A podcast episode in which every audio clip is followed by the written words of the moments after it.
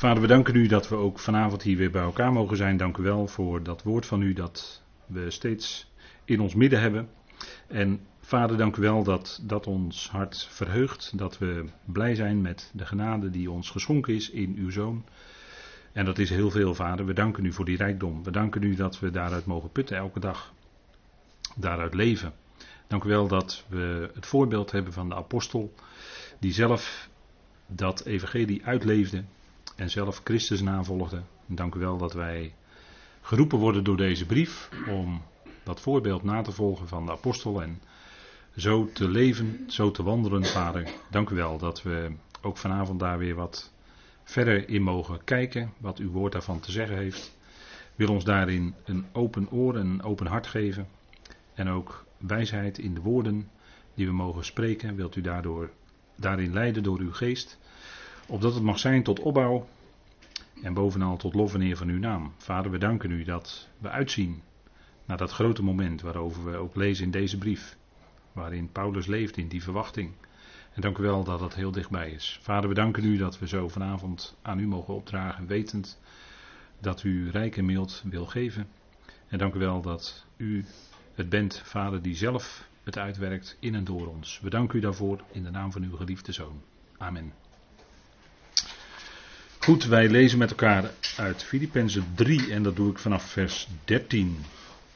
En daar schrijft de apostel: Broeders, ik reken er nog niet mee dat ik het zelf gegrepen heb, maar één ding. Inderdaad, vergetend wat achter mij is, maar mij uitstrekkend naar wat voor mij is, jaag ik overeenkomstig het doel naar de prijs van Gods roeping boven in Christus Jezus.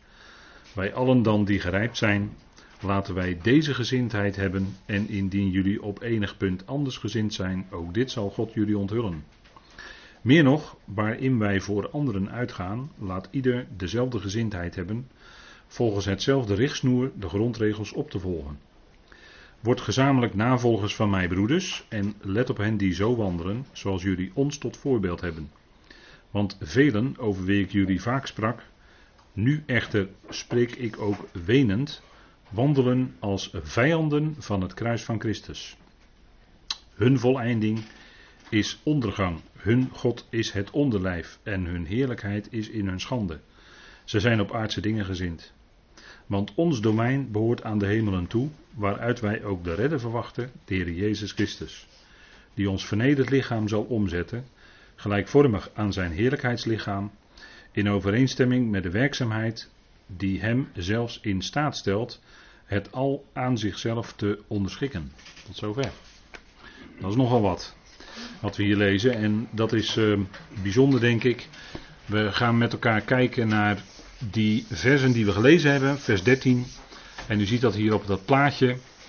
Eén ding, vergeten het wat achter mij is, maar uitstrekken naar wat voor mij is. Het is ook uh, vergeten wat achter je is. Hè? En het gaat hier om ons als gelovigen. Wij worden hier natuurlijk rechtstreeks mee aangesproken.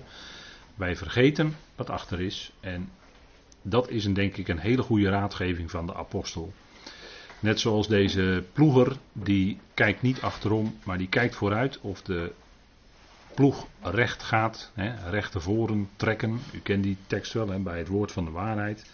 Daar denk ik dan ook altijd aan. Als je zo'n plaatje ziet, hè, recht trekken, dus de waarheid van het woord op een juiste wijze indelen of verdelen, hoe moet je het zeggen. In ieder geval, we kijken vooruit. En dat, wat, dat zouden zeker mensen doen die bezig zijn in een stuk dienstwerk, zoals Paulus dat was. En hij schrijft ook in de eerste plaats, en dan ga ik even naar die eerste woorden van Filippenzen. Hij schrijft in de eerste plaats aan opzieners en dienaren de heiligen in Christus Jezus die in Filippi zijn, tezamen met opzieners en dienaren. En het, het, ja, ik ontkom bijna niet aan de gedachte als ik die brief zo verder lees en als we die zo bestuderen met elkaar, dat deze brief dan toch in de eerste plaats aan opzieners en dienaren is geschreven. Die moeten dit zeker boven allen ter harte nemen. Maar inderdaad, dit geldt natuurlijk voor ons allen als gelovigen, want we zijn allemaal betrokken in een stukje dienstwerk, denk ik. En op een of andere manier heb je dan wel eens de neiging om achterom te kijken. naar het verleden, misschien wel naar je persoonlijke verleden. Maar Paulus geeft hier de beste raad die er is, denk ik. Eén ding, vergetend wat achter mij is, strek ik mij uit naar wat voor is. En natuurlijk, de dingen die in het verleden gebeurd zijn, de fouten die gemaakt zijn, daar kun je van leren. En dat neem je mee.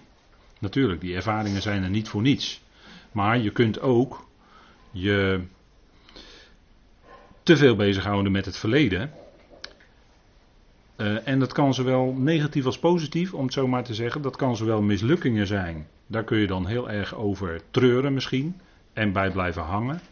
Maar dat kunnen ook successen zijn in het verleden. En wil niet zeggen dat een succes. Ja, u kent die bekende uitspraak wel van een bekende dienst in ons land. Maar uh, als het gaat in geestelijke zin om succes, wil dat niet zeggen dat dat ook zo blijft. Dat was bij Paulus naar de mens gesproken, hè, menselijke wijs gesproken, van afstandje bekeken. Was het bij Paulus niet zo? Je zou kunnen zeggen, in het begin stichtte hij gemeentes, kreeg hij veel publiek wat hem wilde beluisteren. Maar later was hij niet meer, uh, niet meer welkom in de gemeentes waarin hij zelf had mogen spreken, zelfs zelf had mogen opbouwen. In Azië bijvoorbeeld, maar ook in Korinthe. Die, die, die relatie met de Corinthiërs die lag heel erg moeizaam. Hè? En dan kun je natuurlijk denken van ja, succesvol gewerkt in Korinthe, anderhalf jaar hè, was het geloof ik. En uh, daar was een gemeente ontstaan. Maar dan later blijkt dat toch allemaal niet zo makkelijk te zijn. Blijkt dat niet zo eenvoudig te zijn. En dan kun je ook niet achterom blijven kijken naar het succes wat je had. Nee, de, de situatie van vandaag en die is anders. Paulus die schreef niet vaak over zijn mislukkingen. Maar hij schreef over wat de Heer bewerkte. En voor ons is het, is het altijd een, een, een moeilijkheid die we hebben in onszelf, met onze emoties, in onze ziel. En dat wat we geestelijk mogen weten, hè, daar, ja, dat kan wel eens moeilijk zijn. En waar het om gaat is dat we zouden rekenen met die uitspraken van God. En die uitspraken die wijzen ons op de feiten zoals ze zijn in het evangelie. En bij, met die feiten rekenen wij. En pas in tweede instantie gaat het om ons gevoel. Maar dat komt daar achteraan. En dat komt vanzelf wel mee, zeg maar. Hè. Dus het gaat niet om onze ervaringen in de eerste plaats. Maar het gaat om dat we omhoog zien naar de Heer, naar Christus. Dat Hij zijn werk doet. En dat doet hij door ons heen. Hij werkt, hè, God werkt het willen en het werken in ons uit. Maar het gaat erom dat we vooruit blijven kijken. En dat we vergeten wat achter is. En dat we ons uitstrekken naar wat voor is. En natuurlijk is dat hier, dit plaatje is natuurlijk dan tekenend. Maar Paulus denkt ook, en dat weet u, dat doet hij wel vaker. Dan denkt hij ook aan de, iemand in een sportwedstrijd. Dat voorbeeld gebruikt hij vaker. En die mensen die kijken ook vooruit. Hè? Die willen de eindstreep halen en liefst zo snel mogelijk. Hè, daar, doen, daar zetten ze alles voor in het, uh, in het werk. Maar het, het punt is dat we ons uitstrekken naar wat voor ons ligt. Dat we niet blijven hangen bij wat achter ons ligt. En dat geldt voor ons dienstwerk wat wij mogen doen. En dat geldt gewoon ook voor ons leven. Hè? Uitstrekken naar wat voor is. En daar alles op richten, al je energie als het ware oprichten. Alle energie die God geeft bedoel ik dan. Want het is niet vleeselijk wat we doen, maar we willen graag geestelijk bezig zijn. Dat we zeggen, we, we verwachten die energie ook van de Heer. We hebben de vorige keren gesproken over de kracht van zijn opstanding. Nou, het gaat om die kracht. Hè? Het gaat niet om onze eigen kracht, maar het gaat om de kracht van zijn opstanding. Dus dat is, dat is bepalend. Hè? Kijk, zo'n uh, hardloper die, uh, die strekt zich ook een beetje vooruit. Zo'n hardloper heeft ook zo'n houding, een beetje voorover. En dan uh, om zo snel mogelijk dat doel te behalen. Hè? Dat, uh, dat is je uitstrekken. Hè? Je wil dat doel behalen, je wil die eindstreep halen. We zijn in een loopbaan, dat woord gebruik ik wel vaker, ook in deze studies. We hebben onze loopbaan als gelovigen. En dan strekken we ons uit naar wat voor is. En dan jaag ik, zegt Paulus, overeenkomstig het doel. En we hebben vorige keer gezegd, dat woord doel in het Grieks, dat is het woord skopos. En dat kennen wij van microscoop en van telescoop, hè, scopos, scope. Telescoop, microscoop. Maar het gaat er dan niet om zozeer de eerste prijs te halen. Maar het gaat erom dat doel. Het gaat om dat doel wat voor je ligt, dat je je daarna uitstrekt. Het gaat er niet om dat je ook niet. Je kijkt ook letterlijk dan vooruit. Hè. Je kijkt vooruit, je ziet vooruit met je geestesoog, om het zo maar te zeggen. En dan strek je uit naar dat doel wat voor je ligt. En het gaat erom om dat doel te bereiken. Het gaat er niet zozeer om, in sportwedstrijden gaat het natuurlijk om, dat je de eerste prijs wil halen. Nou, dat beeld gebruikt Paulus niet. Hè. Hij, hij gebruikt dat beeld op een andere manier. Want als iemand de eerste prijs zou halen, als het werkelijk daarom zou gaan, dan heeft Paulus die al gehaald en dan kunnen wij nooit meer eerste worden. Dat is onmogelijk. Dus als we daarover hebben, dan kun je dan gelijk aan de kant schuiven. Maar we strekken ons uit, we jagen. we hebben gezien dat het woord hier, hier jagen op een hele mooie, positieve manier wordt gebruikt. Maar het kan ook gebruikt worden voor vervolgen. Dat je vervolgd wordt om je geloof. En dat zijn er vandaag aan de dag nogal wat mensen die vervolgd worden vanwege hun geloof. Heel vaak gebeurt dat, eigenlijk meestal wel, gebeurt dat uit religieuze hoek. Dat was in de tijd van Paulus was dat zo. Dat hij door de strenge religie van die dagen, religieuze mensen, werd vervolgd.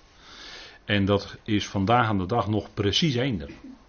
Als het gaat om streng religieus, die willen anderen vervolgen. En vooral zijn de pijlen dan gericht op de christenen.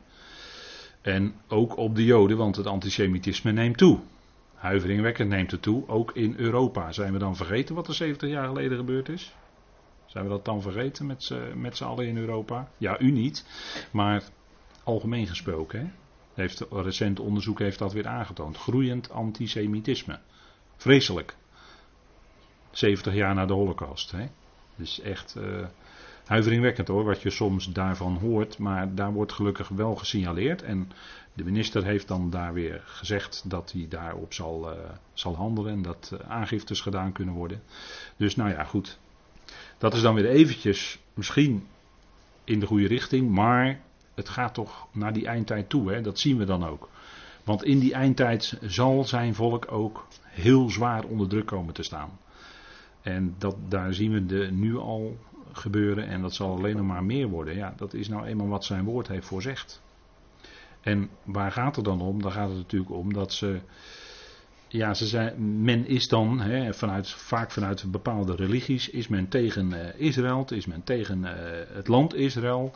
En, maar dat heeft natuurlijk een veel diepere achtergrond, namelijk ze verzetten zich tegen de God van Israël. Daar heeft het mee te maken.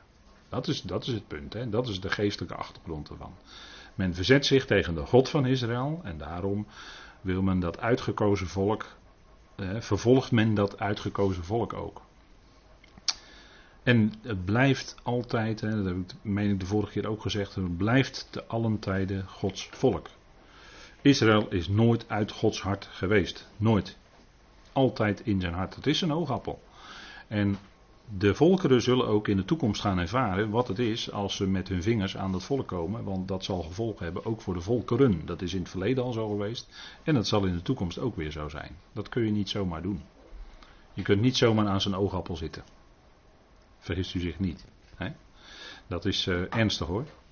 Maar goed, dat uh, zal de eindtijd uitwijzen. En de Heer zal op de juiste tijd komen om alles recht te zetten als Messias voor zijn volk Israël. Tuurlijk, dat gaat allemaal gebeuren. Hij zal zijn volk verlossen. Kijk, maar dat doel, dat doel waarnaar we jagen, hè, wat, wat, Paulus naar jaagt, en we zouden zijn voorbeeld navolgen, daar, daar, dat is de tekst van, eh, van vandaag ook.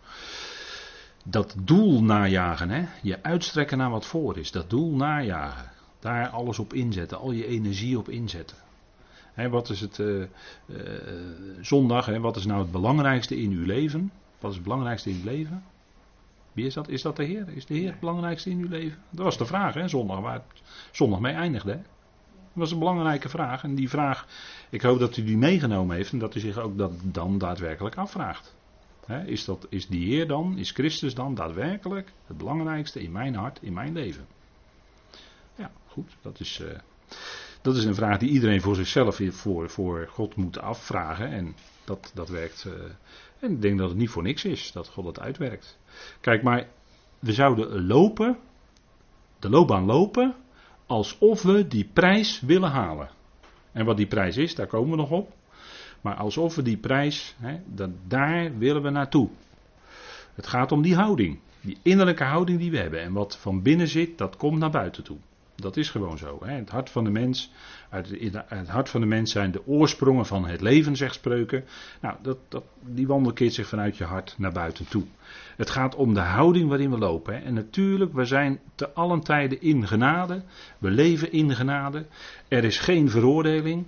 Maar dat is juist zo geweldig. Het zet je juist aan dan om die loopbaan te willen lopen. Om zo te willen leven, zoals Paulus leefde. Dat voorbeeld na te volgen. En, en alles, gericht in, en alles gericht te zijn op Christus. op, op Hem je leven te richten.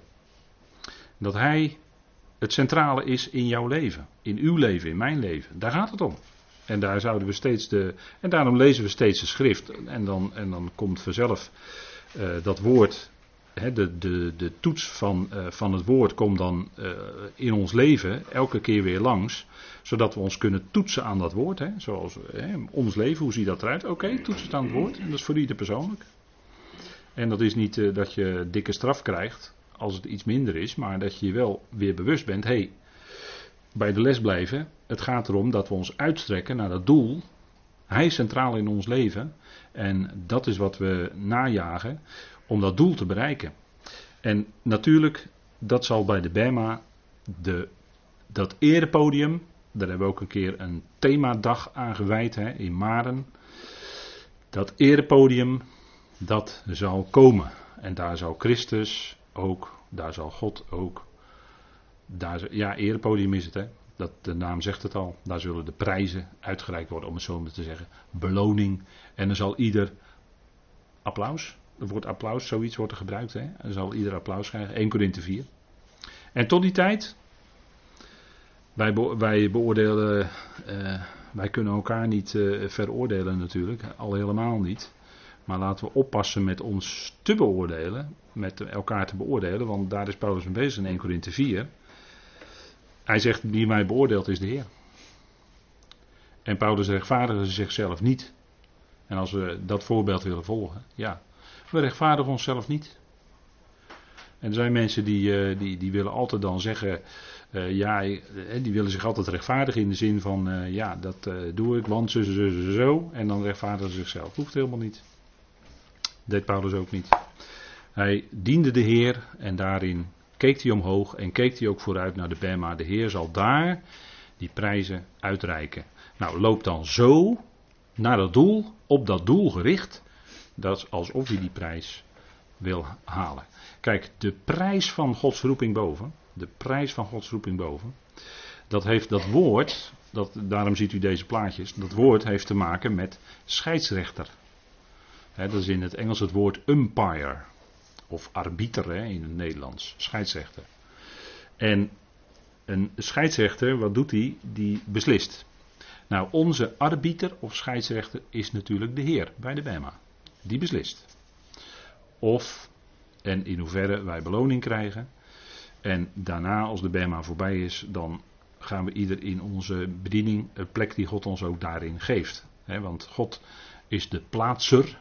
En hij geeft ons ook in onze toekomstige bediening, te midden van de hemelingen, geeft hij ons onze plaats. Wijst hij ons onze plaats aan. Dat is daar is de Bema ook voor bedoeld. En die prijs, dat is Gods roeping boven. Het staat erbij, hè? de prijs van de roeping van God boven. Dus die prijs is Gods roeping boven. We, worden, we zijn geroepen tot heerlijkheid, tot bediening. En dat doet God nu al door de Ecclesia. Hè? Eh, dat zegt uh, Efeze 3. Nu al, van nu af aan door de Ecclesia. Aan de hemelse machten. En zeker ook aan de soevereiniteiten en de gevolmachten enzovoort. En dan in de komende eonen, na de bazuin, door de hele Ecclesia, als die compleet is samen met Christus, dan zal die hele Ecclesia, die hele gemeente, zal ingezet worden te midden van de hemelsen in de komende tijdperken. Dat is niet hier op aarde, maar dat is boven, te midden van de hemelingen. Dat staat in Efeze 2, vers 6 en 7, voor degenen die de tekst erbij willen hebben. Maar die krans van overwinning, waar het hier om gaat, die krans van overwinning, dat is wat de Heer geeft. Hè? En daar is waar Paulus het over heeft in 1 Korinthe 9. En dat kunnen we even met elkaar lezen. Want daar gebruikt hij ook dat beeld van zo'n sportwedstrijd. 1 Korinthe 9. En dat is ook weer een lang hoofdstuk, want Paulus had met die Corinthiërs, ja, daar had hij veel mee te stellen, zoals u weet. En daar schreef hij ook lange, lange hoofdstukken aan om het voor hen allemaal duidelijk te maken. En vaak in hele eenvoudige voorbeelden. Want die Corinthiërs hadden eenvoudige voorbeelden nodig, want ja, anders konden ze het niet verstaan, de geestelijke dingen. En daarom moest het allemaal met op, op uh, wat we dan zeggen, op laag niveau aan hen verteld worden. En dat is misschien ook wel fijn voor ons, want dan, uh, hè, dan worden we allemaal meegenomen door de tekst, om zo maar te zeggen. En dan kunnen we stapje voor stapje ook een opbouw hebben in ons leven, hè? een groei. 1 Korinthe 9, vers. En dan. Uh, vers 24 dan even voor het verband. Weten jullie niet dat zij die in de renbaan lopen, allen wel lopen, maar dat slechts één de prijs ontvangt? Loop dan zo dat je die verkrijgt. En iedereen die aan een wedstrijd deelneemt, beheerst zich in alles zijn nu om een vergankelijke krans te ontvangen, maar wij om een onvergankelijke. Ik loop daarom niet zonder duidelijk doel en ik vecht zo met de vuist dat ik niet zomaar wat in de lucht sla. Maar ik oefen mijn lichaam op harde wijze en maak het dienstbaar opdat ik misschien naar anderen gepredikt heb. Zelf, ja, de herziende statenvertaling vertaalt dan een beetje tendentieus weer, helaas, zelf verwerpelijk wordt, maar dat is eigenlijk er staat het woord gedisqualificeerd. Dat is bij de Bema gedisqualificeerd worden. Niet dat je dan uit liggen van Christus valt, dat is natuurlijk niet, dus, dus never nooit niet mogelijk. Maar dat is dat je dan de prijs eventueel zou missen. Hè? Want disqualificeren is dat je of uit de wedstrijd gezet wordt of achteraf te horen krijgt van ja, je hebt niet volgens de regels gestreden en dus word je gedisqualificeerd. Je hebt je niet aan, aan de baan gehouden, aan de lijnen de lijnen van de renbaan houden. Dan denk aan een atletiekbaan. Hè. Als je rondjes moet lopen, 800 meter, dan moet je een paar rondjes lopen. Maar dan moet je wel binnen de juiste baan lopen. En zeker eh, als je 200 of 400 meter loopt, dan moet je in je baan blijven. Dat is heel belangrijk. Dan mag je niet, zelfs niet de streep raken. Dan moet je echt binnen je baan blijven. Echt binnen. En anders word je gedisqualificeerd. Nou, zo is Paulus bezig. Hè? En hij zegt, die beheerst zich in alles. Dat beheersen, dat zich beheersen is Datzelfde woord als wat we ook in Gelaten 5 tegenkomen, dat is een, dat laatste woord van de vrucht van de geest. Weet u wel, in uw NBG is dat zelfbeheersing, maar we hebben gezien dat dat inhouding is. Inhouden. Dat is het Griekse woord ekkrateia. En dat echt, dat duidt op in. En dat kratos is eigenlijk macht.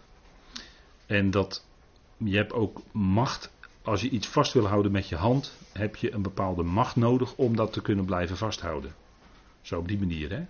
Dus inhouding, en dan zegt Paulus, die houdt zich in in alles. Dus dan kan je niet zomaar links, rechts, alle kanten opschieten, bij wijze van spreken. U begrijpt wat ik bedoel. Maar dat je je beheerst. Zo'n sporter die moet het hele jaar heel hard trainen en uh, die, die kan niet zeggen van nou, dan ga ik maar eens even een half jaar uh, flink uh, niet trainen en allemaal leuke dingen doen en een beetje luieren. Nee, dat kan een sporter ook niet doen. Als je een topprestatie wil halen in het schaatsseizoen of in het wielrenseizoen, dan zal hij de rest van het jaar keihard moeten trainen. En dan ligt je hele leven ligt onder de meetlat van een, een, precies een dieet volgen, elke dag zoveel trainingsuren en het is gewoon keihard werken. En dat is dus je in alles beheersen, want jij wil die prijs gaan halen. Jij wil die sportprestatie gaan leveren in de toekomst. En dus zal je eraan moeten houden. Nou, dat beeld gebruikt Paulus. Dat was in zijn dagen ook, hè, de Olympische Spelen. En ik begrijp dat er ook een uitgave is in de klassieke wereldliteratuur van. Uh, dat er een paar uit uh, Gallië, geloof ik, op de Olympische Spelen waren. Daar moet ik dan aan denken. Maar op die Olympische Spelen moesten die sporters zich helemaal houden aan om dus die prijs te kunnen behalen. En dat is het punt wat Paulus hier gebruikt. Een krans van overwinning. Want krans heeft te maken met overwinning. dat is het woord Stefanos in het Grieks. En het wordt vaak met kroon vertaald, maar dat is hier wel terecht met, in vers 25 met krans vertaald. Een krans van overwinning, dat is zo'n lauwerkrans, laurierkrans. En dat is een beeld, dat is natuurlijk maar beeldspraak, hè? maar dat is het beeld dat Paulus gebruikt, omdat je bij de Bema ook daar die prijs, die prijs, die hè, die beloning, om het zo maar te zeggen. Het gaat er niet om dat we heel hard gaan werken om, om een beloning te krijgen. Nee, het gaat erom om die gerichtheid uitsteken naar wat voor is. En zo bezig zijn dat alles daarop gericht is dat je daarin het beste wil doen. En dan zegt Paulus over zichzelf dat hij in de toekomst keek. En dat was tegen het einde van zijn leven. 2 Timotheus 4, dat is dan een andere tekst, die zoeken we ook even op met elkaar. 2 Timotheus 4. Verder is voor mij de krans van gerechtigheid of van rechtvaardigheid gereserveerd. Hier staat nog gerechtigheid, maar in de nieuwe uitgave zal dat vervangen worden door rechtvaardigheid. Verder is voor mij de krans van rechtvaardigheid gereserveerd. Terwijl hij in het vorige vers zegt: Ik heb mijn loop. Daar heb je het, hè? Loop, loopbaan. U ziet ook de tekstverwijzing 1 Korinthe 9, vers 24. Ik heb mijn loop ten einde gebracht. Ik heb het geloof bewaard. Verder is voor mij de krans van rechtvaardigheid gereserveerd, die de Heer, de rechtvaardige richter, mij zal uitreiken in die dag. Welke dag is dat? Dat is die dag van de Bema. Dat is de dag van Christus. Dat hebben we al gezien in Filippenzen. Dan zullen de kransen uitgereikt worden. En Paulus die zag daar naar uit. En hij zegt niet alleen aan mij, maar ook aan allen die zijn verschijning liefhebben. Dus die leven gericht op dat doel, om het zo maar te zeggen. Niet alleen dat de Heer gaat komen in de lucht met de bazuin, dat niet alleen, dat houdt het ook in. Maar het houdt veel meer in. Hè. Zijn verschijning, dat wil zeggen, Hij centraal in ons leven en Hem liefhebben, dat staat hier uh, in een tijdvorm die betekent, je hebt de Heer, Hij heeft zijn liefde in je hart gegeven in het verleden. En daarom heb je de Heer lief gekregen toen. En dat resulteert er nu in dat je de Heer lief hebt. Dus het is zeg maar een effect van een, wat we dan zeggen, een afgesloten handeling in het verleden. Maar het heeft wel degelijk een uitwerking in het heden. Dat is, uh, probeer even eenvoudig die Griekse tijdvorm voor u te omschrijven. Nou, dat is wat in ons leven ook gekomen is. En kijk, als Paulus dan zegt: Ik heb mijn loop ten einde gebracht, ik heb het geloof bewaard, dan weet u dat hij dat niet zag als zijn eigen prestatie. Hè? Ik zeg er maar even voor alle duidelijkheid bij. Maar dat was niet zijn eigen prestatie. Het was natuurlijk de genade van God die in hem werkte. Zoals hij zegt in 1 Corinthe 15. Hè? Het was niet ik, zegt hij. Ik heb meer gearbeid dan al die anderen. Niet ik, maar de genade van God die met mij is. Dus dat, dat zegt hij er gelijk bij. Hè? Dus dat nemen we mee als we dit lezen.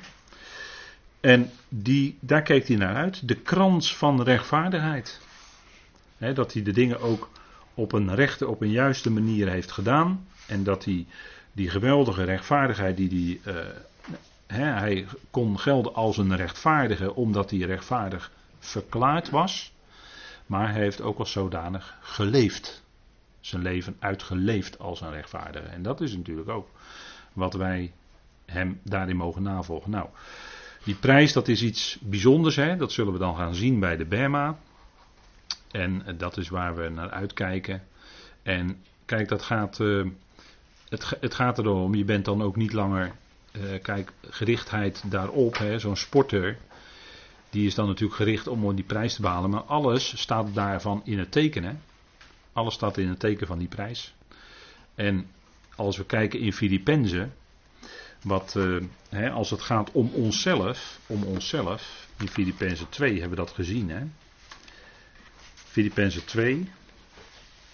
Want kijk, als je dat, als je dat doet, die, die, die loopbaan lopen, dan uh, geldt dat eigenlijk ook bij ons hetzelfde als het voorbeeld van Christus. Het voorbeeld van Christus Jezus in die gezindheid. Uh, Filippenzen 2 zegt dat hij zichzelf leeg maakt. Filippenzen 2 vers 7. Niettemin maakt hij zichzelf leeg. Dus wat hij vroeger was, in de vorm van God, daarvan heeft hij zichzelf leeggemaakt. Dus je ziet dat zichzelf, wat hij toen was, gaat aan de kant. En het tweede keer zichzelf, lezen we in vers 8, verootmoedigt hij zichzelf. Ziet u het? Zichzelf. Dus dat zichzelf leven, zichzelf leven, het zichzelf leven, zichzelf, zelf, dat gaat helemaal op de achtergrond. En wat komt op de voorgrond? Het leven van Christus, wat Hij in ons leeft, wat Hij in ons uitleeft. Dat komt op de voorgrond, dat komt naar, naar voren toe. Net zoals het bij de Heer was. Hè? Hij maakt zichzelf leeg, hij verootmoedigt zichzelf. Gehoorzaam worden tot aan de dood, ja de dood van het kruis. En dat is een hele diepe weg. Nou is dat voor ons niet letterlijk die weg via het kruis, maar het is voor ons ook wel een weg van gezindheid. Hè? daar gaat het om, diezelfde gezindheid. En dat zegt Paulus ook in het volgende vers, in vers 15. Wij, dan allen, wij allen dan die gerijpt zijn, laten wij deze gezindheid hebben. Zo hebben we het vertaald. Er staat eigenlijk het werkwoord gezind zijn. Dus wij zijn zo gezind. Zoals hij was in ootmoedigheid. Die gezindheid. Dat is de enige manier waarop je echt hem kan dienen naar dit evangelie van Paulus. En de gerijpten, wie zijn dat? Dat zijn volwassenen in het geloof, de gerijpten. In dat woord gerijpt zit iets van einde. Die hebben een bepaalde eindstadium bereikt. Dat wil zeggen, in het dagelijks leven groeit iemand ook op van baby, kind enzovoort tot volwassene. En dat is in het geestelijke bereik ook zo. Je groeit op van heel klein, heel baby in het geloof naar een volwassene in het geloof. Dat is groei. En God geeft de groei, natuurlijk. Maar het is wel de bedoeling dat wij opgroeien. En dat we ook dan daarom steeds ons voeden met de woorden van het geloof en van het uitstekende onderricht. En zo groeien wij naar volwassenheid, gerijpten. Hè? Wij allen dan die gerijpt zijn, laten wij deze gezindheid hebben. Of laten wij zo gezind zijn. Dat zijn de gerijpten in het geloof. En mensen die dat niet, en dan, dan zijn er mensen die kunnen dat niet volgen. Die, dat, hè, er zijn gelovigen die blijven op een bepaald punt steken. Die blijven, de, groei wordt niet doorgezet. En hoe komt dat? Dat komt omdat ze tot, tot, tot op zekere hoogte blijven hangen in uh, zeg maar Gods woord. En niet verder meegaan dan een bepaald punt. En dat heeft te maken met, ja, met, met het vlees, met vleeselijkheid. Uh, de Corinthiërs, uh, hoe ziet dat er dan uit? Nou, de Corinthiërs die waren vleeselijk, zegt Paulus. En, en wat, wat deden die Corinthiërs dan? Nou, die hadden groepen, die keken tegen mensen op, tegen reputaties. Um, en noem maar op, hè. die zochten wijsheid in de wereld, hè. die zochten oplossingen niet vanuit uh, het geestelijke, niet vanuit Gods woord, niet vanuit het evangelie, maar die zochten oplossingen vanuit de wereld, van buiten. Hè, ze gingen uh, rechtszaken houden. Voor, niet voor, uh, ja, rechtszaken, de naam zegt het dan al, dat is voor de wereldlijke rechter, dat zouden we niet doen. Niet, het is niet zo dat het niet mag, of wat dan ook. Maar Paulus geeft aan, dit is niet volgens de lijn van het evangelie. Dit is niet volgens de geestelijke lijnen. Als, je daar, als een conflict is tussen, tussen gelovigen, dat je dan met dat conflict ga je dan voorleggen aan de wereldlijke rechter. Dus je gaat naar de rechtbank of naar de kantonrechter. Dat zouden we niet doen, zegt Paulus, want is er dan niet iemand onder jullie die wijs is en die een uitspraak kan doen daarin? En dan zegt hij ja, uh, dat bekende stukje van, van 1 Korinthe 5 en 6. Laten jullie dan niet liever benadelen. En als je je dan benadeeld voelt, dan ga je je recht halen bij de wereldlijke rechter. Laat je niet liever benadelen. Dat is eigenlijk de weg, hè. En dan die ander die jou benadeelt, ja, die handelt inderdaad onrechtvaardig. Dat klopt. Maar op het moment dat jij wel je recht wil halen, alsnog, dan op dat moment ben jij, ben jij weer ten opzichte van die ander ook niet zo rechtvaardig bezig. Niet volgens het evangelie bedoel ik dan. En dat is heel moeilijk. Dat is heel moeilijk voor, ook voor gelovigen. Want die willen nog wel eens een onderling conflict voor de wereldlijke rechter uitvechten. Maar het punt is, dan wil je jouw gelijk hebben. En wat, wat zit daarachter? Nou, een stukje menselijke trots natuurlijk. Je wil blijven staan. En je wil niet, hè, je wil je, wil, eh, je recht halen enzovoort. Daar zit een stukje menselijke trots achter. En dat komt voort uit het menselijke vlees, want zo zijn mensen in de wereld ook bezig. Die, die laten zich, uh, ja, nee, die laten dat niet over hun kant gaan. En die, die willen dan genoegdoening hebben, schadevergoeding en weet ik wat allemaal. Het punt is dat dingen dan bij mensen in de weg staan. Het vlees, om het zo maar eens even samen te vatten, het menselijke vlees staat dan in de weg. En daarom kunnen ze niet doorgroeien naar geestelijke volwassenheid, maar blijven ze op een bepaald punt hangen. En Paulus noemt dan, in Korinthe noemt hij vleeselijke, hij noemt zielse mensen, maar ook zielse mensen die laten zich bepalen, vaak toch meer door het vlees en door hun eigen emoties. De ziel, gevoelens, dan dat ze zich laten, willen laten leiden door wat het evangelie aangeeft, hè, wat het evangelie zegt. Gods woord. En daarom komen ze ook niet verder. En daarom willen ze ook niet luisteren naar als er dingen gezegd worden over bepaalde problemen die er dan zijn. En als er dingen gezegd worden vanuit het evangelie, dan wordt dat niet begrepen of dan wordt dat uh, niet meegenomen. Maar er worden dan andere beslissingen genomen.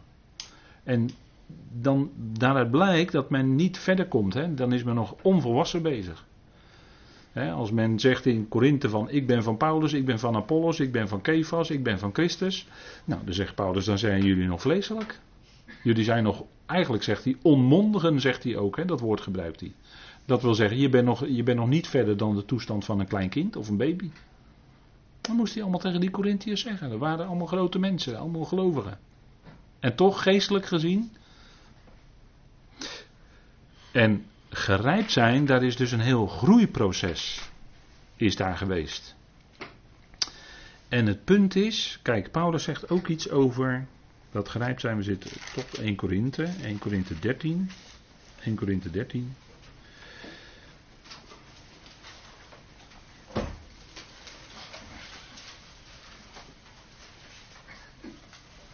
En dat is, dat, is een, eh, dat is een bepalend stukje toch wel, ook in de Korinthebrief. En waarvan ik uh, regelmatig uh, heb gedacht in de loop van de jaren. Ik wou dat mensen dat dus. Dat gelovigen.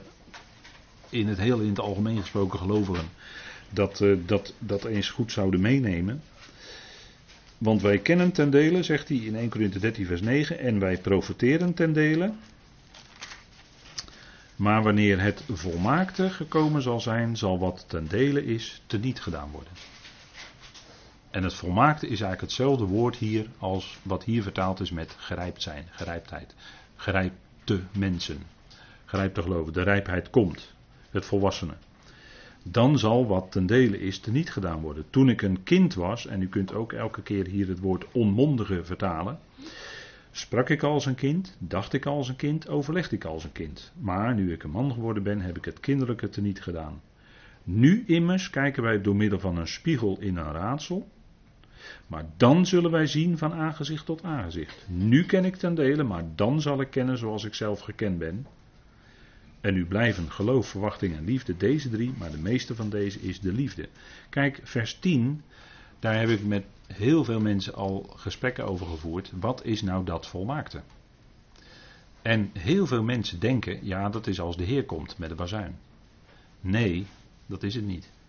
Dat is het niet. Het volmaakte is hier het gerijpte of de rijpheid, dat wil zeggen, het moment dat het moment gekomen is, of dat de periode gekomen is, dat gelovigen daadwerkelijk gerijpt of volwassen kunnen zijn en worden, of worden in het geloof. En wanneer, wanneer was die mogelijkheid, wanneer kwam die mogelijkheid? Dat kwam door het schrijven van Paulus' latere brieven. Efeze, Filippenzen, Colossense, 2 Timotheus heb ik er dan over. En misschien nog een paar brieven. Maar in ieder geval die vier. En wat daarin staat, als dat door ons als gelovigen verstaan wordt, en dan bedoel ik niet alleen intellectueel hoor, maar dan bedoel ik echt weten met je verstand en, en dus ook met je hart, want volgens mij zit dat toch heel erg aan elkaar vast hoor, volgens de schrift dan. Dat je dat gaat verstaan met je hart en dat kun je niet in een week tijd verstaan. Daar gaan jaren overheen dat het tot je doordringt als gelovige. Daar is een periode, en dat is, dat is een heel proces. Om dat te gaan verstaan als gelovige. En dan groei je tot volwassenheid. Dan groei je tot rijpheid. En daar heeft Paulus het over. Dus over de brieven die nog later, dat, oh, op dat moment, doelt hij op die periode, wanneer het volmaakte zal gekomen zijn, zal wat ten dele is niet gedaan worden. En dan kun je ook deze Korinthebrief bijvoorbeeld en de tweede Korinthebrief en Galaten kun je in het juiste licht zien. En kun je ook zien waarom Paulus bepaalde dingen zo zei. En waarom hij nog niet tegen die Corinthiërs alles kon vertellen. De verborgen wijsheid van God van voor de eonen, nou daar heb je iets hoor, daar heb je iets. Maar die is bekendgemaakt in die latere brieven. En als je dat gaat verstaan, dan, ja, dan kijk je niet langer door een spiegel in raadselen. Hè? Dat woord enigma, dat wil zeggen, dat, dat heeft te maken met in een spiegel, in een raadsel. Je kijkt in een spiegel, maar dan zie je niet veel. Ja, je, je ziet jezelf. Maar uh, je kijkt in een raadsel. Je, je doorziet het niet, hoe het zit.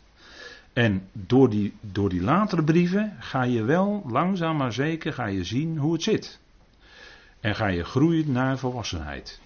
En dat heeft ook te maken met hoe je je dan vervolgens ook als gelovige gedraagt. Je wandel.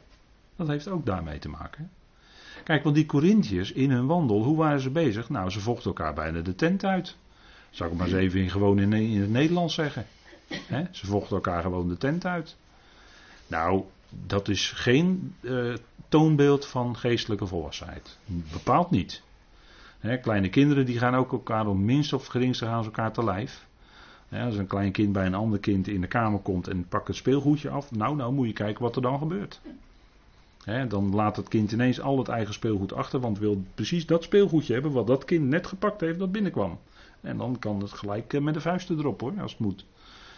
Nou, kijk, dat is, dan zegt u ja, dat is gedrag van kleine kinderen en dat moet je sturen. Nou, precies zoals Paulus ook precies bezig met die Corinthiërs. Die waren ook op die manier bezig. En Paulus, die moest dat dan, door zijn brieven, wil die daarin toch wat, wat ordening brengen. Maar dat was heel moeilijk hoor. Was heel moeilijk. Nou, zo kan, kan het onder gelovigen ook gaan. Dat, uh, ik, ik ga u daar niet mee vermoeien met allemaal voorbeelden van. Uh, nee, daar slik ik in. Maar kind. Hè? Daar gaat het om gedrag van een kind. Overlegde ik als een kind? Sprak ik als een kind? Dacht ik als een kind? Enzovoort. En dat hebben volwassen gelovigen achter zich gelaten. Volwassenen in het dagelijks leven die laten die kindperiode ook achter zich. Als je volwassen bent, als het goed is, denk je niet meer als een kind, maar dan denk je als een volwassene. Nou, zo is het ook in het geloof. Dan leer je denken, spreken met die, vanuit die wijsheid van God die Paulus in zijn latere brieven bekend heeft mogen maken. Ja, en daarin is het voor heel wat gelovigen zo dat als ze al iets van de, het evangelie van de apostel Paulus kennen, op een bepaald punt blijven steken en niet meegaan tot, tot ja, tot, tot in het, uh, totdat de hele boodschap die Paulus mocht brengen echt bekend is geworden. En dat, dat zie je ook terug in de vertalingen van die brieven. Ik ben zelf bij de vertaalgroep betrokken al vele jaren. En dan zie je hoe hopeloos men sommige stukken vertaald heeft, omdat men gewoon totaal niet begreep waar het over ging. De vertalers begrepen het niet, wat ze vertaalden. Ze wisten helemaal niet waar het over ging. En daarom konden ze het ook niet goed vertalen in het Nederlands. En, en eh, dus vertaalwerk is dan nog niet zo makkelijk hoor in de praktijk. Als je het echt juist wil doen volgens uh, wat er staat en wat, wat de bedoeling is. Ja. En punt is, dus een heel belangrijk punt. Laten we alle die gerijpt zijn, zo gezind zijn. Dus die gezindheid komt voort uit een rijpingsproces in de geloven, geestelijk rijpingsproces. Ja. En Paulus zegt: volg dan mijn voorbeeld. En mensen die dat niet goed verstaan, die zeggen: Ja, nou, volg Paulus voorbeeld niet. Paulus is ook maar een mens. Ik volg Christus na, zeggen ze dan. Heb je helemaal niet, als je zo praat, heb je helemaal niet begrepen waar het over gaat. Waar Paulus mee bezig is en hoe Paulus zelf leefde. En wat hij zelf dan allemaal zegt. Dat is een toonbeeld van dat je het zelf niet begrijpt. En dat vind ik alleen maar verdrietig. Dat is geen kritiek, maar ik vind het alleen maar verdrietig als mensen zo spreken. maar hij zegt: laten we zo gezind zijn. Want die ootmoedige gezindheid van Christus, onder gelovigen, zou ik willen zeggen, kom er maar eens om. Kom er maar eens om. Wie wil zich als christenen, nee, vaak zijn christenen en dan zijn ze heel, eh, heel uh, strak. En ja, nee, als, als in hun ogen iets onrechtvaardig is, nee hoor, dan stappen ze gelijk naar de rechter, want er moet gerechtigheid, gerechtvaardigheid, er moet gebeuren. Zo, hè. Ze trekken dan ook nog een heel strak en stijl gezicht vaak bij. Zo gaat het. En dan, ja, maar dat is niet, dat is niet de ootmoedige gezindheid van Christus. Want toen de Heer, hè, toen de Heer zijn, leefde hier op aarde, toen werd hij ook bespot, gehoond, gediscrimineerd, zeggen we dan met een modern woord. Lieten ze hem links liggen, ze gooiden hem de synagoge uit. Ze hadden hem liefst gelijk al eh, bij zijn eerste toespraak daarna gelijk al van de stijlte afgeworpen. Hè? Maar ja, toen ging hij midden tussendoor en hij vertrok, want het was de tijd nog niet. De tijd nog niet en hij moest ook niet op die manier aan zijn einde komen. Maar zo hebben ze hem behandeld. En is, heeft hij toen, is hij toen naar de rechter gegaan? Nee, hij sprak er met vader over. Maar hij wandelde in ootmoedige gezindheid. He, Petrus schrijft daar ook over, hoor, over die, over die houding die de Heer had. Dat in zijn mond geen bedrog is gevonden. En dat hij, ja, hij kwaad leed, hij onderging het. Hij leed kwaad, hij werd volkomen ten onrechte veroordeeld. Degene die veroordeeld moest worden was Barabbas. Maar hij werd veroordeeld en hij zweeg. Dat was koninklijk zwijgen. en dat, kijk, die houding die de Heer had, dat is dat, daar spreekt ootmoedige gezindheid uit. Hij wilde die loopbaan lopen die vader hem voor hem had uitgestippeld. En zonder dat hij daar tegen iets in opstand kwam. En natuurlijk was hij fel als het ging om het woord van zijn vader tegen de fariseeën en schriftgeleerden. Was hij heel fel, zeker. Maar hij was er niet op uit om de gevestigde orde, zo wordt natuurlijk ook wel eens voorgesteld, hè, ook weer een verkeerd beeld. Ja, Jezus was revolutionair. Ja, er zit wel iets van waarheid in, maar niet waarvoor ze dat dan willen gebruiken. In het verleden had je zo'n bepaalde theologie in Zuid-Amerika en zo. Maar hij, hij wilde niet de gevestigde orde omverwerpen.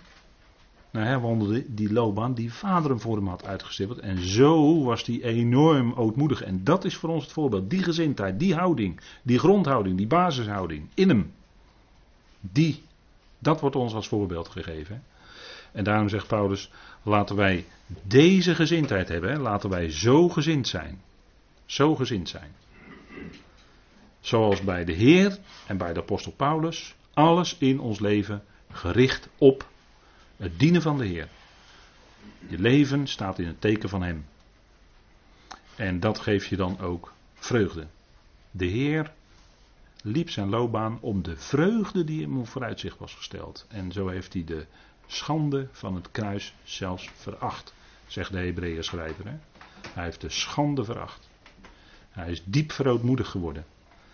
Hij was een zoon. En het bleek omdat hoe, God, hè, de loopbaan die hij ging, daaruit bleek dat hij ook zoon was. Dat hij de uitverkorene was bij uitstek. Nou, als je uitverkoren bent door God in deze wereld, dan heb je het niet makkelijk hoor. Kijk maar naar het volk Israël, waar ik in het begin even over had. Kijk maar naar hoe vaak christenen ter dood zijn gebracht. Martelaren op de brandstapel, enzovoort, enzovoort. Dan ben je uitverkorene. Ben je uitgekozen door God. Dat is helemaal geen makkelijke weg. Dat is geen weg dat je je boven anderen kan verheffen. Integendeel, dat is een weg van verootmoediging, van vernedering. Van, uh, ja, je, inderdaad, jezelf tekort laten doen, ja. ja. Ja, die weg is dat. Dat is ootmoedige gezindheid. Nu niet op, de, op het hoogste eh, willen bereiken in deze wereld. Hè. Niet aanzienlijk voor de wereld. Dat wilden die Corinthiërs wel zijn, want Paulus zegt, ja, degene die God roept, dat zijn niet vele wijzen naar het vlees, dat zijn niet vele invloedrijke, dat zijn niet veel uh, uh, gegoede mensen of rijke mensen of uh, hoge mensen of wat dan ook. Corinthiërs die waren geneigd hoog tegen mensen op te kijken. Nou, als je het evangelie van Paulus leest, dan ben je daar heel snel, kom je daarvan terug hoor. Om hoog op te geven over mensen maar die keken misschien op tegen mensen die een hoge positie hadden en rijk waren en, eh, enzovoort enzovoort. Maar God roept juist de eenvoudige, de ongeletterde, de, die in de, in de ogen van de wereld niet wijs zijn.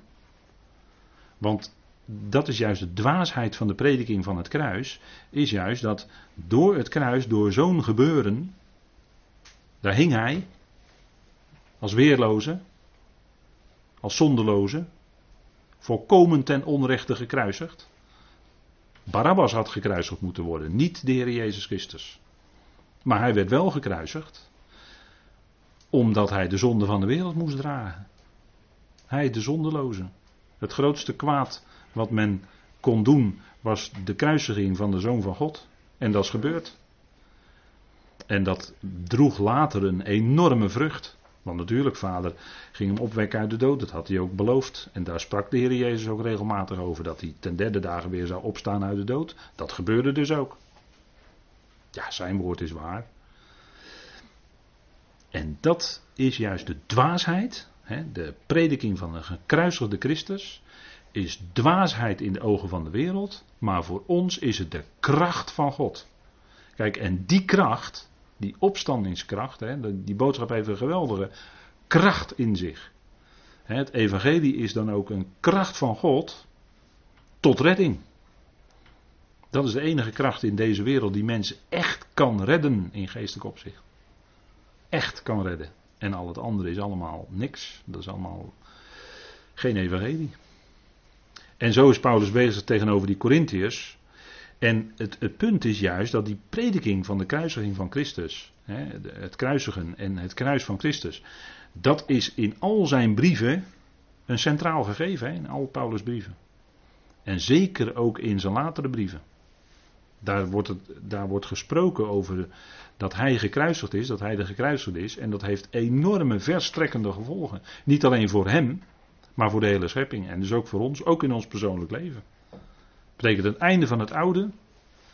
Maar dat open graf is ook de start van het nieuwe.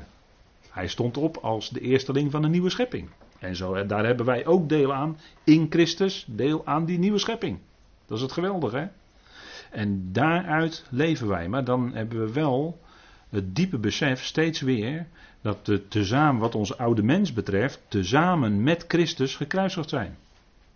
Dat is een hele radicale boodschap dat is gekruisigd, dus gestorven en ook begraven.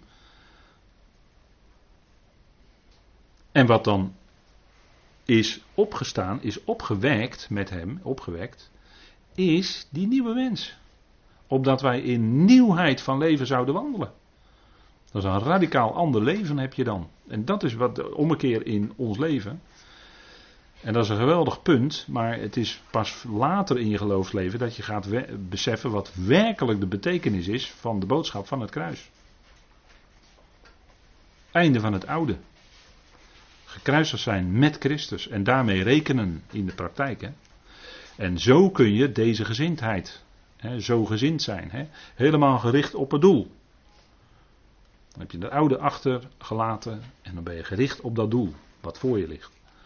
En dan is het ook raak, hè, zoals die pijl hier op dit plaatje. Raak in de roos. Dan mis je niet langer je doel, maar dan leef je met hem. En dan zegt Paulus, indien jullie nog op enig punt, zegt hij tegen de Filippenzen, want de Filippenzen die gingen wel mee met Paulus en die ondersteunden Paulus ook bij tijd en gelegenheid met gebed. Hè, dat is heel fijn. En uh, hij maar ook die Filippenzen moest Paulus toch iets tegen zeggen. Wat hij ook tegen de Corinthiërs zei. Um, tegen de Corinthiërs zei Paulus, in, laten we het even opzoeken, 1 Korinthe 10. 1 Korinthe 10.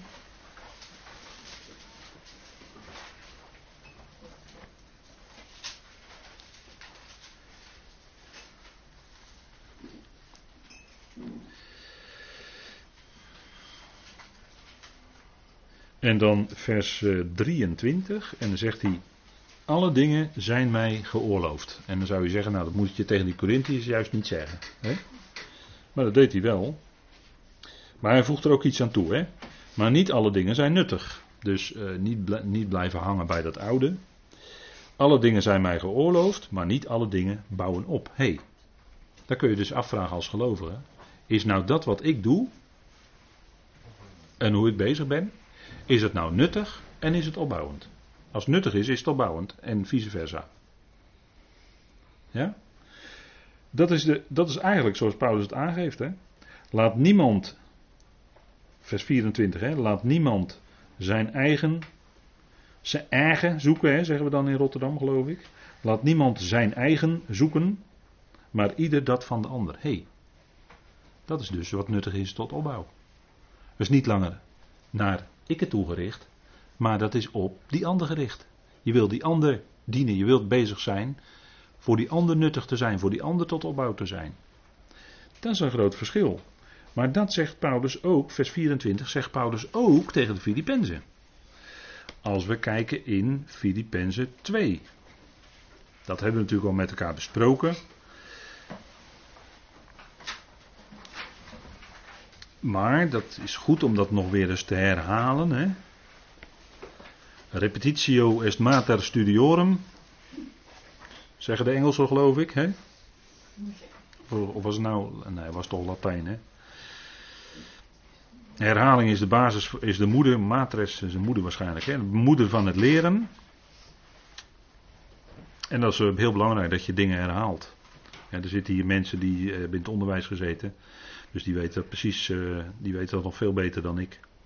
2 vers 4 hè. Laat ieder niet alleen letten op zijn eigen belangen, maar ook op die van ieder ander. Hé, hey, dan zegt hij precies hetzelfde als in 1 Korinthe 10, maar dat moest hij dus ook tegen de Filippenzen zeggen. En wij achter de Filippenzen, van wat hoger niveau, om het zo maar te zeggen, dan de Corinthiërs. Maar tegen beide zegt hij hetzelfde. Dus ook daar, bij de Filippenzen, kwam ook dat mens zijn toch wel weer af en toe bovendrijven. Hè? Dus niet alleen je eigen, dat woord belangen is natuurlijk dun gedrukt, hè, dat hebben we als vertaler toegevoegd voor de leesbaarheid. Maar niet alleen letten op eigen, op zelf, autos in het Grieks, hè, ik zelf, autos, maar ook op die van ieder ander. Die ander die je ontmoet in het lichaam van Christus. Die hoort ook bij het lichaam van Christus. dus niet alleen kijken naar jouw eigen belang, maar let ook op het belang van die ander. En boven alles uit natuurlijk het belang van Christus Jezus. Hè. Daar, daar gaat natuurlijk ver boven alles uit. Maar het belang van Christus is ook dat, dat, dat we elkaar tot nut zijn, elkaar opbouwen, elkaar dienen. Zonder slaaf te worden van mensen hoor, maar elkaar dienen. En dan niet bezig zijn met je eigen belangen, maar van ieder ander. Wat is het belang van de Heer? Wat is het belang van de gemeente daarin? En daarom zegt Paulus hier in Filippenzen 3, vers 15: Indien jullie op enig punt anders, andersoortig staat er eigenlijk, dat is het Griekse woord heteron. Als er anders alleen zou staan, dan zou er allos staan in het Grieks, maar hier staat heteron, dat betekent andersoortig. En dat is vooral in gelaten 1, vers 6 en 7 heel erg belangrijk om die tekst daar goed te begrijpen. Maar daar zeg ik nu niet meer over, dan kunt u luisteren naar de studies van de gelaten brief. soorten gezind zijn, zal God ook dit jullie onthullen. Kijk, om te groeien en om dingen te kunnen gaan zien, moet God ook dingen aan jou, aan u en mij onthullen. En het woord onthullen, dat is het woord onthulling is het woord apocalypsis. Dat is eigenlijk de titel van openbaring, het boek openbaring. De onthulling van Jezus Christus. Onthullen wil zeggen dat de bedekking, hè, vanaf dekking is het eigenlijk, de bedekking wordt weggenomen. En in een, over een mensenhart kan een bedekking liggen. een, een mensenhart kan bedekt zijn en kan de dingen nog niet zo zien zoals ze zijn, omdat het uh, ook een proces is dat God die bedekking van je hart wegneemt en je de dingen laat zien door zijn woord. En dat zien we bijvoorbeeld bij de Corinthiërs. Daar lag een bedekking over het hart en dat had te maken met Mozes. Telkens als Mozes wordt voorgelezen, ligt er een bedekking, komt er een bedekking over het hart. En het wordt in Christus, verdwijnt die bedekking, dan ga je zien hoe het zit. En dan ga je ook zien hoe het zit met Mozes en met de hele Torah. Want de Torah op zich is heilig, rechtvaardig en goed en geestelijk. Maar dat ga je pas zien, dat het zo is, de werkelijke betekenis van de Torah ga je pas zien als in Christus die bedekking ook van jouw hart is weggenomen. En dat is waar Paulus, dat Paulus uh, zei dat ook. Van, uh, het, het, gaat niet om, uh, om de letterlijke besnijdenis. Maar het gaat om waar de besnijdenis een type van is. Het gaat om de besnijdenis van het hart. En we hebben met elkaar op deze avonden ook al gezien.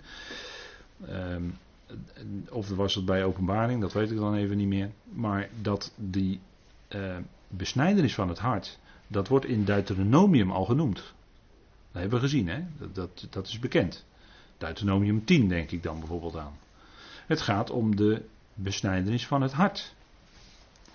En, want, Paulus zegt, kijk, op zich, in het vlees besneden zijn of niet besneden, betekent, betekent niets. Gelaten brief, hè? Maar of je een nieuwe schepping bent in Christus, daar gaat het om. Dus het gaat niet om wat aan, aan het vlees gebeurt, letterlijk. Nee, het gaat erom wat geestelijk gebeurt. Dat, dat de bedekking van het hart, dat is de besnijdenis van het hart, dat die bedekking van het hart wordt weggenomen. En dat is in Christus. Dat gebeurt door zijn heerlijkheid. Hè? Als je het evangelie van de heerlijkheid van Christus, ja, als dat in je hart gaat doordringen, dan gaat echt het licht aan hoor. Dan gaat het licht aan. We leven nu in de decemberdagen, dat zijn de donkere dagen. Dan doen we allemaal extra veel lichtjes in en om en buiten het huis en zo. Omdat we graag dat, dat licht willen hebben. Dat is ook logisch, dat is een verlangen van de mens. Je verlangt weer terug naar de, de zomer waarin, alles, eh, waarin er veel meer licht is. En ook veel meer warmte hebben we afgelopen jaren gezien. Maar het punt is dat het veel belangrijker is, dat is alleen maar een voorbeeld uit de natuur, uit het dagelijks leven, maar het, punt is dat in ons hart, dat daar het licht aan gaat. Hè? Zoals de Heer bij Lydia het hart opende en zij aandacht schonk aan hetgeen door Paulus gezegd werd, zo zou het ook bij ons mensen gaan. En helaas, in de christenheid is er te weinig aandacht voor wat Paulus te zeggen heeft. En dat is, een dat is die bedekking. Dat is die bedekking. En hebben oprechte gelovigen, echte christenen, hebben er ook mee te maken met een stuk bedekking. Want daar waar niet die, dat evangelie van Paulus klinkt en centraal staat, daar is onherroepelijk een stukje bedekking aanwezig. Dat kan niet anders. Want Paulus zegt het hier ook.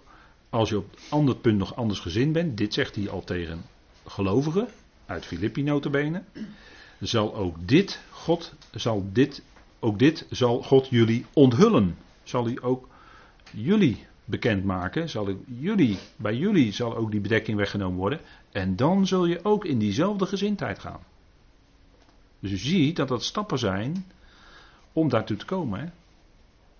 En, en dat is bijzonder hoor, want God onthult enorm veel. Hè?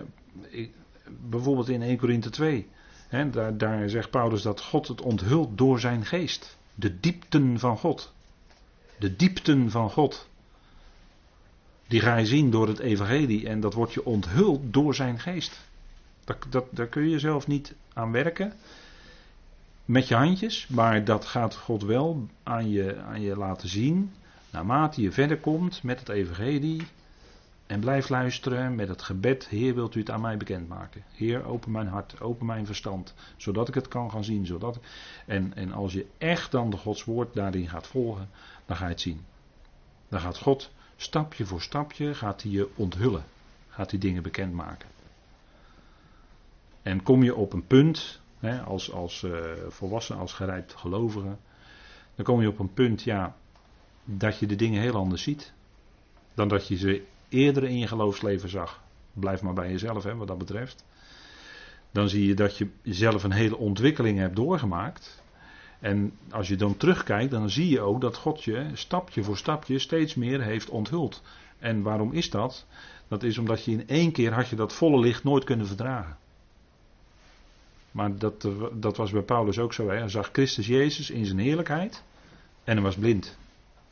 Drie dagen blind. Want dat is een voorbeeld van als we als gelovigen direct alles zouden zien, dan, dan komt het wel op ons af, maar we zien het niet. We zijn als het ware nog steeds blind. Maar God moet het dan aan ons onthullen, die moet die bedekking wegnemen van ons hart.